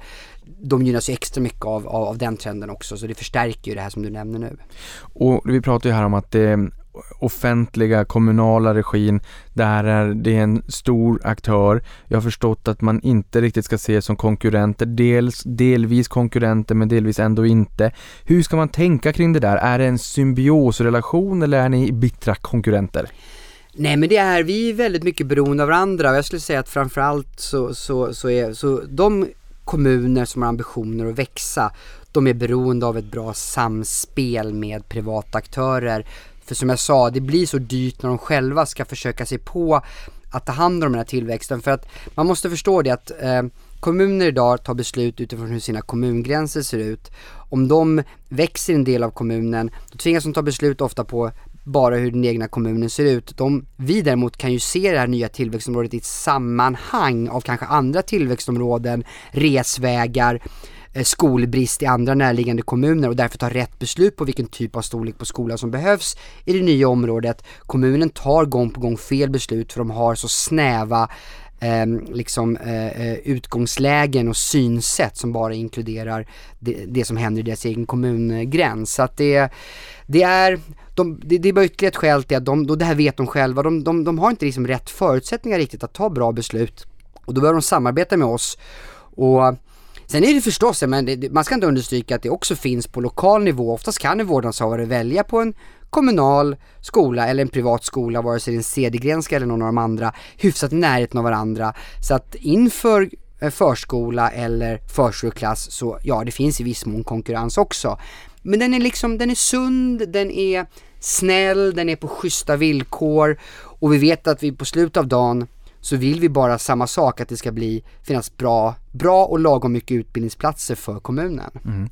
Tittar vi på eh, fastighetsmarknaden så har det ju funnits eh, under en ganska bra tid nu en stark trend mot att investera i samhällsfastigheter. Kan man se på er på samma sätt här egentligen med Cedergrenska, att ni är en ägare där ni eh, köper in och äger de här eh, utbildningsenheterna i privat regi och att det också blir mer av en trend där kommunerna kanske inte vill höja skatter och mm. inte riktigt har de ekonomiska förutsättningarna för att faktiskt göra det här själv. Att ni kommer in då som en, en möjliggörare för, för att ta hand om alla de här barnen. Ja men absolut, det är precis så, så vi ser på det och eh, och jag, tror att, jag vill inte prata i skolor om, om, om, om, starka varumärken men det är onekligen så att skolor som etablerar sig och har hög, hög kvalitet och har gjort det under många år.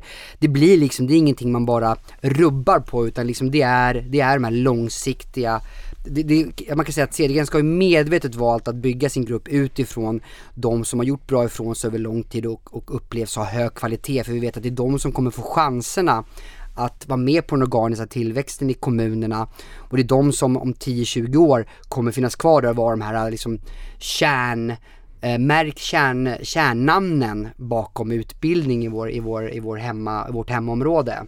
Så att liksom så här, ja, ja, så att jag skulle säga det är väldigt långsiktiga puckar det här. Och är det en liksom, säg då att det är en, en kvalitetsstämpel att ni eh, etablerar er på en ort eller att ni kanske köper upp en skola eh, som stark huvudägare på en ort. Finns det någon form av eh, etableringsstöd eller finns det någon form av incitament från kommunen att de vill ha, ha dit er så att säga eller hur fungerar det? Nej men det är klart att det, att det att det gör det. Om man tar gymnasiemarknaden till exempel så vet vi att det behövs fler gymnasieplatser. Jag var inne på det, den här liksom ganska kraftiga Eh, tillväxten av, av, av behovet av gymnasieplatser. Och då vet ju, då vill ju kommunerna, de vill inte bygga någonting själva.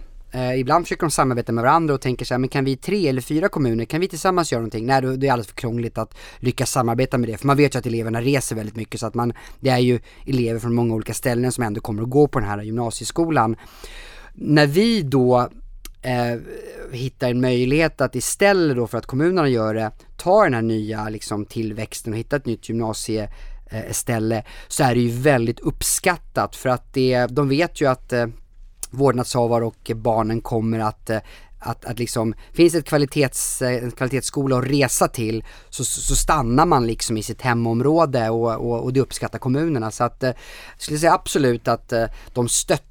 Sen, sen har de ju begränsningar vad, vad de förstås får göra men vi upplever att de eh, de, de, verkligen, de uppskattar eh, när, när, när vi då satsar på tillväxt. Dels för att de slipper göra det själva, men för att de, de kan liksom check, det här är ett kvalitetsoperatör eh, eh då eh, som, som, som tar hand om det här behovet. Ja, och här kan vi också läsa oss till i prospektet då att i Sverige så utbildar sig två miljoner barn och elever just nu.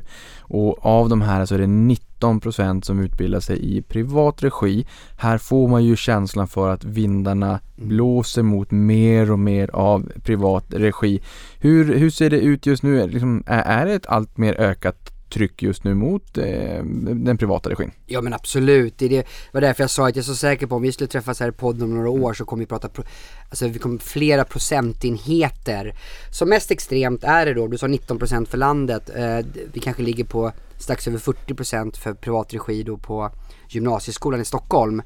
Men det här har ju bara börjat röra på sig i många större städer i landet och eh, jag är övertygad om att man kommer gå samma, samma väg. Helt enkelt för att när vi gör det i privat regi så, så blir det, det blir en bättre kvalitet till ett, med ett effektivare genomförande. Och det, och det är sån fundamental eh, poäng i det så att, så att all logik talar för att den här trenden kommer att fortsätta. Det är ni äger ju 26 skolenheter i nordöstra Stockholmsregionen.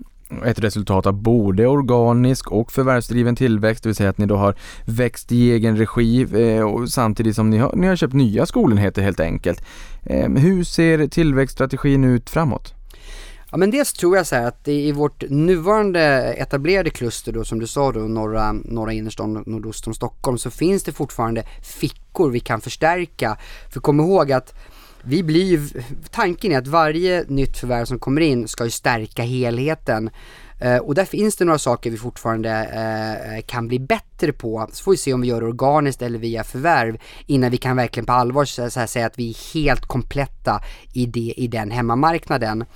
Eh, så, så där tror jag man kan förvänta sig att det finns kompletterande saker att göra. Sen är det så, nu har vi landat i förståelsen för hur man som en modern skolägare ska bygga ett sånt här kluster och få ut bästa möjliga värde för de skolor som väljer att delta i det här och, och så att säga eh, ansluta sig till Cedergrenska. Så att vi är ju så sugna på att bygga liknande kluster där förutsättningar finns i, i övriga landet. För att vi ser ju att det är precis så här man ska strukturera eller organisera eh, egentligen tycker jag all utbildning eh, från, från förskola, grundskola och gymnasium i landet. Så att eh, Sen kommer det ta tid för oss, jag menar det är liksom, kanske låter jätteambitiöst då, ska vi då helt plötsligt äga och driva all utbildningsverksamhet? Ja, vi får ju, vi får ju liksom ta det i, i, i steg för steg, men jag ser att vi har en modell som är den mest attraktiva och, och då är det den vi ska bygga vidare på även i andra ställen eh, framöver här. Och hur växer man organiskt? För jag menar, vi pratade i början om den här skolpengen och lärarlöner. Um, är det att man har, liksom, har full beläggning på i alla skolor eller som när jag var ung, nu är jag född 87 men 91, 92, 93 där, där fick man bygga ut annex och, och det var ju den här krisåren i Sverige, det föddes väldigt mycket barn. Där kan jag tänka mig att eh, man helt enkelt kan bygga ut de befintliga skolorna eller kanske starta en helt ny skola från, från grunden. Hur växer ni organiskt? Det är en kombination av saker. Jag tror att det nyckeln är att du, att du, att du lägger eh, tid på att försöka hitta organ. Att du har det liksom i, i din affärsmodell till att börja med. Liksom att du inte bara, jag var inne på det, att du inte bara helt har en skola till inom Cedergrenska och så är du nöjd att den är som den är. Utan det, du måste ha en kultur, vilket vi har, av att du engagerar dig i skolan och försöker förstå då vad av den här verksamheten, och det är oavsett om det är förskola eller eh, upp till gymnasium då, vad är det som funkar bra i det här och hur ser dess närmiljö ut? Att du liksom bara vinnlägger om att förstå allt från, från resvägar till, eh, till områdets eventuella förändringar vad gäller tillväxt till hur eh, den nuvarande byggnaden ser ut, dialogen med fastighetsägaren. Och du gör alla de här sakerna och hela tiden i bakhuvudet vet att har du då tagit in en kvalitetsverksamhet, vilket vi i 9 fall av 10 alltid gör, då vet du att det finns många som vill dit. Och hittar du möjligheter i det här analysarbetet, då ser du till att det händer, då, då pushar du. Och, och, och i, sam, i samarbete med den lokala ledningen se till att man vågar ta det här steget. Och det, det steget kan vara en helt ny lokal, en bit från det nuvarande, en utbyggnad av den existerande eh, lokalen eller ett effektivare schemaläggning eller användande av nuvarande lokalen. Det finns ganska mycket olika varianter. Jag tror att det viktigaste är att du har kulturen i att inte bara vara nöjd med sakerna som de är utan hela tiden för det är på marginalen där som vi skapar värde när vi, när vi hela tiden vrider och vänder på det vi har för att se vad vi kan göra bättre i form av den, den organiska biten. Och här pratar du om fastigheter, lokaler. Äger ni fastigheter, lokaler själva eller hyr ni lokalerna där skolan bedrivs i?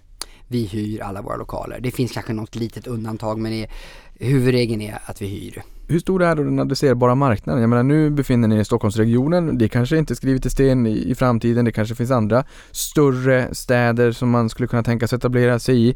Hur, eh, ja och du får faktiskt definiera den totala adresserbara marknaden precis så som du vill, som du tycker passar er bäst.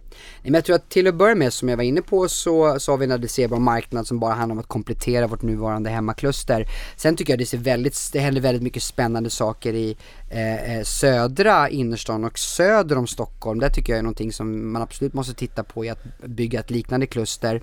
Och jag tror man kan förvänta sig att eh, att den Cedergrenska modellen för hur man ska äga skolor också eh, Eh, eh, etablera sig i andra storstadsregioner så får vi se exakt var det sker och i vilken takt och jag kan ju inte gå in på exakt vilken, vilka dialoger vi har men jag kan säga det att den kommer ske på det metodiska sätt som vi har byggt upp det nu i, eh, i det här nordostklustret. Den kommer ske via via antingen att vi själva startar eller förvärvar kvalitetsverksamheter som sen kommer vilja samarbeta med varandra och bygga rykte om att man har en, en kvalitetsgemenskap i det, i det området och ett utbyte av, av varandra. Det, det, det, den formen kommer vara den vägledande. Ja, även om du inte kan säga någonting om framtiden så kan vi ju alltid luta oss till historien och jag har också förstått att lärarna som jobbar på skolor som ni redan äger i dagsläget, om det är så att ni aviserar ett nytt förvärv så, att, så ska man liksom, du blir väldigt glad om, om de säger ja, den där skolan, det där är kvalitet, gud vad roligt.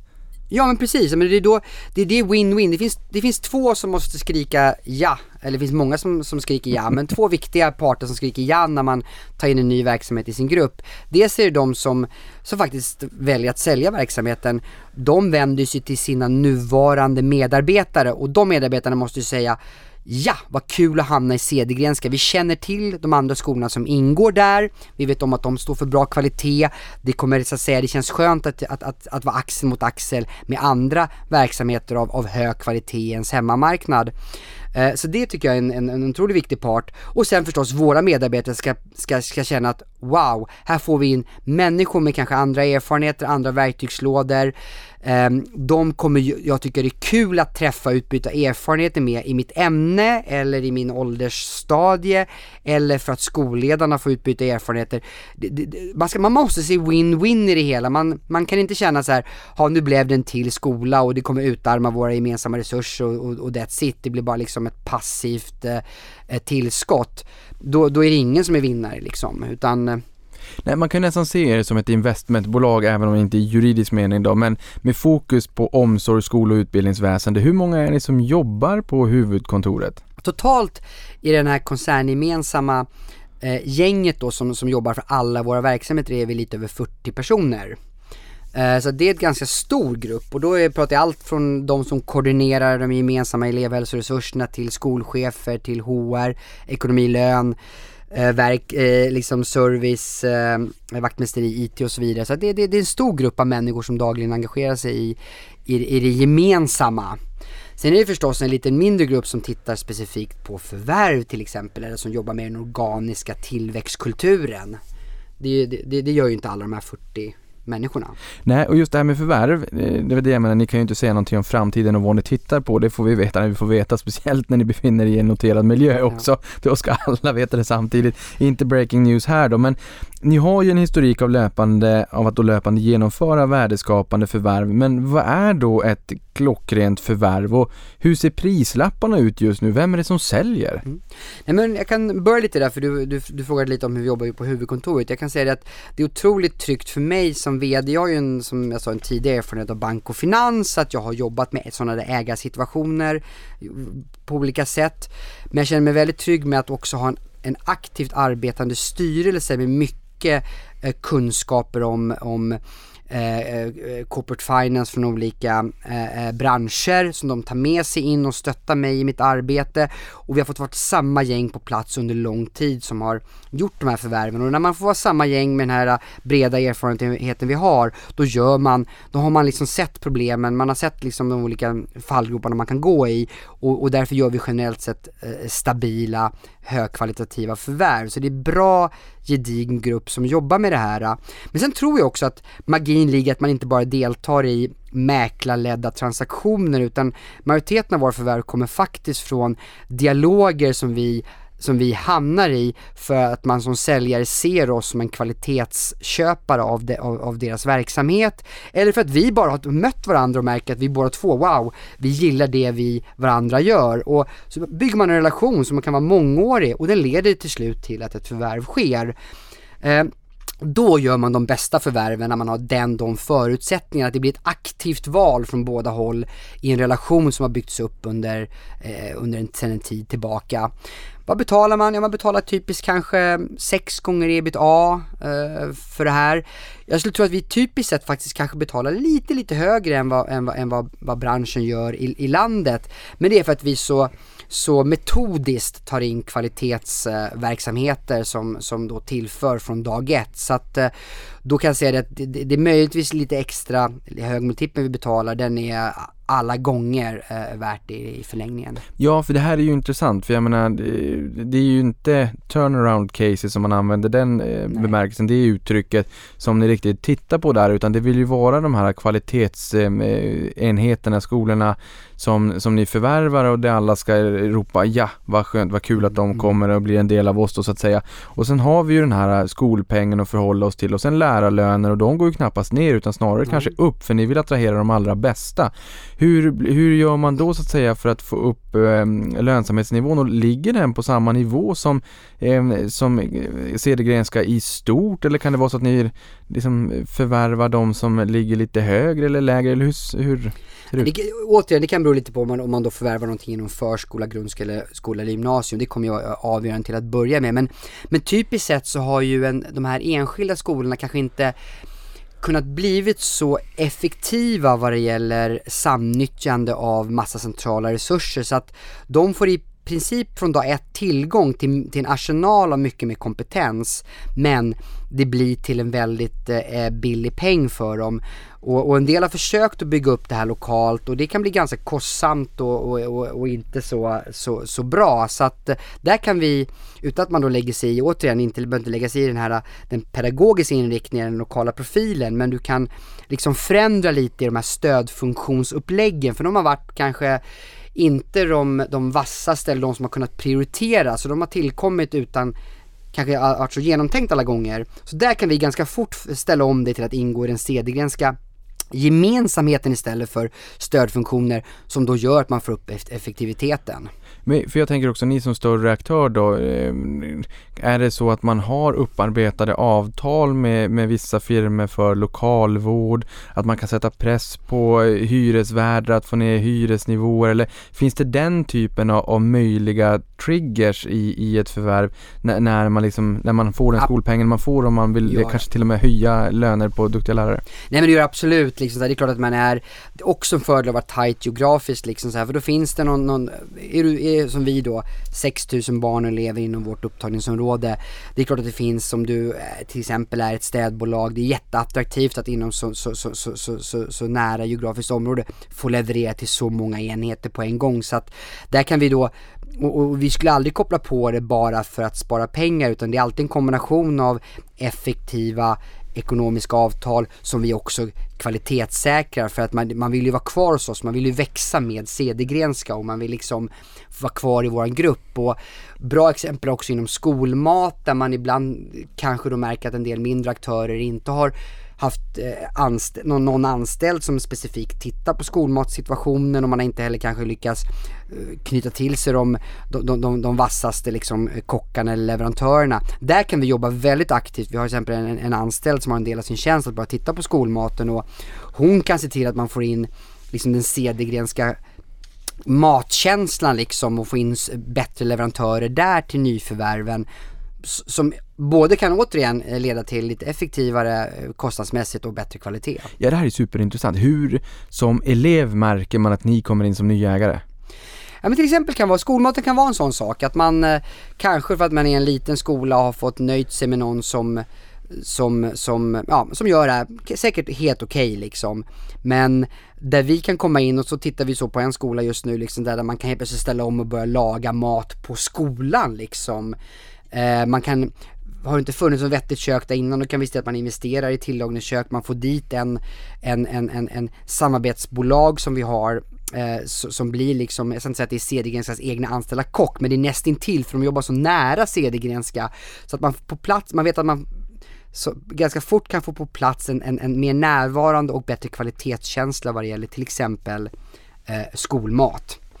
Eh, så det är en sån sak som, som, som man då kan, kan märka. Annars är det ju så att eleverna ska ju inte behöva påverkas av att man har valt att gå in i Cedergrenska på kort sikt utan det ska ju löpa på liksom. Oftast är man ju på en kvalitetsskola och vi lägger oss ju inte i den dagliga driften liksom så den löper ju på. Men man kanske definitivt märker att, eh, fast det här i och för sig då så här, det blir så här, mm, den duktiga läraren väljer nog att vara kvar längre också för att de hamnar i en mer inspirerande, långsiktigt attraktiv miljö att vara i inom Cedergrenska. Så att man kanske märker att den duktiga läraren inte försvinner utan är kvar. Eh, det är väl för det, det, där är ju jätteintressant. Eh, jag menar återigen visionen där om, om fokus på lärare, utbildningsinsatserna, pedagogerna vad, hur märker de att ni blir ny ägare? För menar, det, det, är ju klart att om man behåller de här duktiga, får ner personalomsättningen, får behålla de duktiga, mm. det blir ju, där skapas ju magi. Förutsatt att de har driv, glöd, mm. passion, engagemang. Hur märker de då? För nu var det nyss eleverna, hur märker de det? Nej men de kan märka som att det är liksom, de hamnar kanske i lite mer professionell Eh, eh, eh miljö vad det gäller synen på deras kompetens. Ett sånt område kan vara IKT till exempel, vi var inne lite på det just det här, eh, de pedagoger som kanske har ett större intresse eh, kring, eh, kring, digitaliseringen och hur den kan tas in i, i lärandet. Eh, de kanske har fått lite så här mm, på ett mjukt sätt, eh, ett informellt sätt det ansvaret på sin nuvarande lite mindre skola då att, ja men vad kul, eh, eh, Pernilla kan mycket om det digitala, henne vänder vi oss till. När man ingår i Cedergrenska, då blir det mycket mer tydligt att man får ansvaret IKT-pedagog och man dras med på gemensamma möten med de andra IKT-pedagogerna, man dras med på på en, en, en riktad kompetensutveckling vi gör med IKT-pedagogerna tillsammans med en extern stor IT-partner till exempel. Så att man, ja, det det, det, det, på, det blir förhoppningsvis väldigt inspirerande och roligt och man, liksom, man kanske fortsätter, fortsätter att göra precis samma sak man har gjort tidigare men man kanske känner kanske att det sker inom ramen för en lite mer professionell struktur.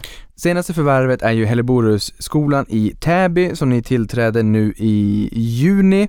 Vad är det som fick er att trycka på köpknappen där? Men det här blir ju väldigt konkret. Här mm. har ni liksom hittat ett förvärvsobjekt här, så här, hmm, det här är spännande. Eh, och det är väldigt, väldigt färskt. Det här har ju knappt ens kallnat och ni har inte ens tillträtt ännu, det är bara Nej. några veckor bort. V vad var det som fick er att trycka på köpknappen här?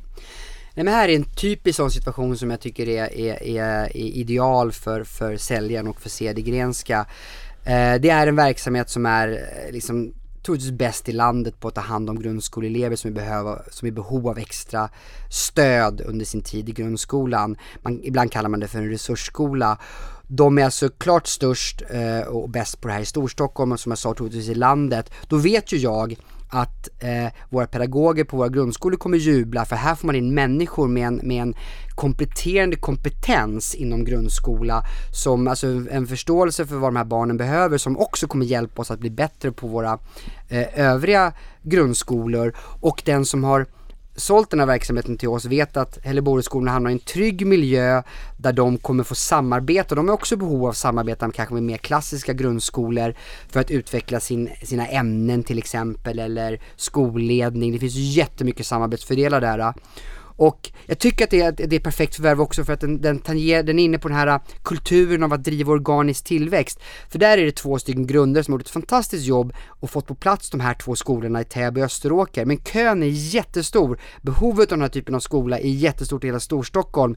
Här kan vi tillföra någonting med att vara den här äh, ägaren som orkar driva på den organiska tillväxten och starta flera Helleboruskolor ta Helleborus-konceptet in på gymnasieområdet till exempel. Det är precis, du har det här, du har kvalitetsprodukten med högt söktryck där de nuvarande ägarna nog har liksom nått gränsen för vad de orkade och kunde ta det här till.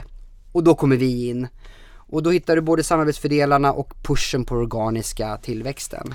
I prospektet så pratar ni om en konsolideringstrend som ångat på allt sedan skol, friskolereformen genomfördes. Samtidigt menar ni att marknaden för friskolor fortfarande är fragmenterad och utgörs av 3100 privata aktörer. Det är ganska många i vårt Mm. avlånga land. Nu är det inte bara Stockholm utan helt och hållet. eh, Och här är en annan väldigt, väldigt intressant eh, statistik som säger att 87% av de här driver bara en Mm. enda skola. Ni har 26 enheter och vi har ju förstått att eh, receptet framåt är en kombination av organisk och förvärvsdriven tillväxt. Det kommer vara 26 plus. Ehm, hur stora möjligheter skapar den här eh, ännu så länge fragmenterade marknaden? Nej Ja men det är ju det är ju jättestora möjligheter förstås för oss i och med att vi söker ju efter, som ni har förstått nu, vi har hittat vårt koncept, det här vill vi etablera i, i flera storstadsregioner. Så att av de här som du nämnde nu, eh, över 2000 bara eh, skolverksamhet som drivs av, av, av, av, av, som är en enskild skolverksamhet som drivs privat, så är det ju de som håller hög kvalitet där, de är ju våra, det är vår målgrupp och, och de är hundratals liksom här som vi kommer, de kommer bli våran väg in i, i nya områden till exempel där vi kommer etablera oss. Så att det, det känns jättetacksamt att, att då mot dem också kunna visa upp en, en, en historik av vad vi har gjort här i, i nordöstra Stockholm, hur vi har bildat ett geografiskt kluster, hur de kan få vara med och bilda ett sånt och vara liksom så här delaktiga att det bildas på nya ställen i landet. Så att jag tror att det, det, det är jättespännande att få, få, få träffa de här eh, potentiella säljarna och, och visa upp det som Cedrienska står för. Och hur stor är omsättningen då på, på skolor? Jag menar 3100 privata aktörer här. Jag antar att ni även skulle teoretiskt sett... I hela spannet vet du, det är, det är så, det är allt från 10 miljoner till 100 miljoner i omsättning på den här typen av eh, Men, men skolor. köper ni både av privata aktörer och av kommunerna? Så skulle kommunerna kunna säga att vet ni vad, vi, vi lägger ner den, den kommunala eh, sk- skolan i kommunal regi, kan ni ta över? Är det också ett alternativ? Eh, nej, det är inte ett alternativ. Så gör inte kommuner. Jag ser inte framför mig att de kommer att göra så heller. Utan det, då är det snarare så att de bestämmer sig för att nej, här avvecklar vi en skola för att vi har inte råd att driva den längre och sen så, så finns det en byggnad eller möjlighet att bygga nytt i, i närliggande område och, och den vägen kommer vi privata aktörer in. Det är så det typiskt går till. Men säg då att de, här 3100 aktörerna som, eh, som det är 87% av dem driver en skola. Mm. Om det är ett år där det, väl, det, det, det torkar upp, det är som ett lamm i papper. Det omsätts knappt några skolor alls, alltså inga skolor byter ägare så att säga.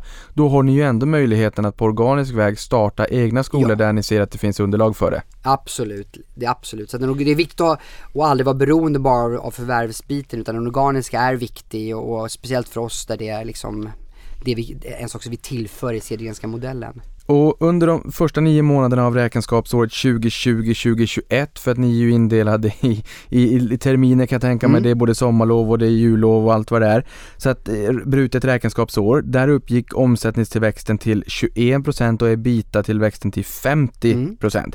Samtidigt har ni en ebita-kagger på 51% senaste fem åren, alltså ett årlig genomsnittlig effektiv tillväxt på 51% eh, på fem år då, eh, vilket är väldigt imponerande får man ju säga. Eh, väldigt imponerande. Hur genererar man en, en, en sån här tillväxt härifrån och framåt? Nej men det är bara att fortsätta jobba på liksom. Vi har ju, eh, det är ju, eh, det är inget annat än hårt arbete med att eh, komplettera nuvarande geografiska klustret och etablera oss på nya ställen. Jag tror att det, är- det finns ingen speciell magi i det här utan vi, vi måste våga tro på att vi har hittat en, en modell en modernt sätt att äga skolor i det här landet och att vi därför blir en attraktiv partner för de här över 2000 som ska hitta ett hem framöver. Och, och tror vi bara på det och vår förmåga att komplettera med, med vårt engagemang kring organisk tillväxt, då kommer vi ha bra tillväxtsiffror framöver också. Sen kan jag inte uttala mig om eh, vad snittet kommer bli om vi, om vi syns om fem år, men liksom, men vi är en, vi är en, det, det, är, det här är en tillväxtbransch för, för, för aktiva liksom privata aktörer och, och, och speciellt för oss som, som, som, som, som jobbar hårt i det här så att det, det kommer att rulla på. För de som sitter och funderar på det här och tänker långsiktigt, årtionde kanske framåt eh, och nya kluster, är det lika lönsamt att, att, att driva skolor i hela Sverige? Får man samma eh, skolpeng? Man får inte exakt samma skolpeng men eh, vi ser heller ingen, ingen skillnad i förutsättningarna eftersom det landar till syvende och sist i att duktiga lärare ska ha vissa löner, fastighetsägare ska ha vissa avkastning på sina investeringar och barnen ska ha viss kvalitet. Det kommer inte skilja sig. De här huvudparametrarna är lika i hela landet och, och det borde ge samma förutsättningar att ha vettig lönsamhet. Och varför väljer ni att notera just nu då? Vi har, vi har många möjligheter som vi ser framöver för tillväxt och vi vill inte bara vara beroende av de tidigare sätten som vi har finansierat det här på utan för att kunna verkligen vara opportunistiska och, eh, och ta vara på tillfällena så kommer det vara eh, trevligt med, med det tillskottet vi får då i kassan i och med den här noteringen och hur vi också breddar möjligheten att, eh, att, att söka framtida eh, eh liksom kommande finansieringstillskott. Så att jag tror bara att det här är, blir ett smörjmedel i, i vår möjlighet att växa. Och sen har vi en unik situation med en väldigt hög andel personalägde personalägda, eh, personalägt då, och, eh, och, och, det är väldigt roligt för dem att, eh, tycker jag, eller ge tillbaka till dem att, att, att nu notera och visa vad deras engagemang har, har varit värt. Eh, vi har alltid vinnlagt oss om att få med de anställda som tycker att det här är roligt och som tycker att det är en extra krydda på sin, eh, sitt, sitt, sitt arbete inom Cedergrenska, de har fått engagera sig som aktieägare och eh, det, det, tycker jag därför också blir väldigt kul att få med sig dem på den här noteringsresan. Ja, det är väldigt roligt också att personalen sitter i samma båt. Jag vet ju att ni har aktiekunskap på era gymnasieskolor. Det blir ju mycket trevligare också när man faktiskt kan relatera till Cedergrenska ja. också. Eh, och ni tar ju in 80 miljoner i, i, i samband med noteringen. Det är den förvärvsdrivna tillväxten som det här ska finansiera framåt då. Eh, ni lyfter ju upp att det finns en önskan om att skapa en stark intressegemenskap eh, där medarbetare och pedagoger blir aktieägare. Eh, ser du ett stort intresse från många av eh, kollegorna nu att faktiskt bli delägare? Ja men absolut, det har varit så roligt. Vi har lagt upp en, en, en, en, en kommunikationsresa förstås genom alla våra skolor nu under de senaste veckorna för att berätta om en börsnotering. För jag tycker det är viktigt som, som, som, som ägare och VD, speciellt i skolverksamheter här, att vara noggrann med att ta dialogen med de anställda när, när man väljer att göra en sån här sak. Och eh, Eh, om jag var lite orolig innan hur man skulle reagera, ja men man vet aldrig hur, hur lärare tar det här, så är det nu ombytt i, i snarare väldigt stor entusiasm kring eh, både att vi får synas, men det finns en förhoppning inom, inom gruppen att man kommer få visa upp mer av de goda exemplen som finns inom Cedergrenska och man förstår att den här kryddan i ditt engagemang när du också kan som lärare vara aktieägare, det blir ännu mer tydligt i det här. Så att, nej men väldigt, eh, väldigt eh, bra bemötande. Tiden går fort när man har roligt. Tre snabba avslutande frågor. Hur ser ägarbilden ut i stort? Den ser ut så att vi, ett antal av oss som grundade Cedergrenska äger eh, fortsatt här efter emissionen över halva bolaget och vi är kvar eh, både operativt och som ägare på lång sikt. Så du följer pilotskolan? Följer absolut pilotskolan. Underbart. Sist men inte minst, vart befinner sig Cedergrenska om fem år? Då har vi etablerat oss på eh, nya ställen i landet. Vi har förstärkt vårt hemmakluster här i nordost och eh, jag skulle säga att vi är en betydligt större verksamhet än vad vi är idag. Underbart, då återstår det bara för mig att säga Niklas, varmt lycka till framåt. Varmt lycka till också i, i samband med noteringen och stort tack för att du kom till podden och berättade mer om Cedergrenska. Ja men tack så mycket, jättekul att få vara här. Och stort tack för att du lyssnade på det här. Power, $41 billion deal. deal.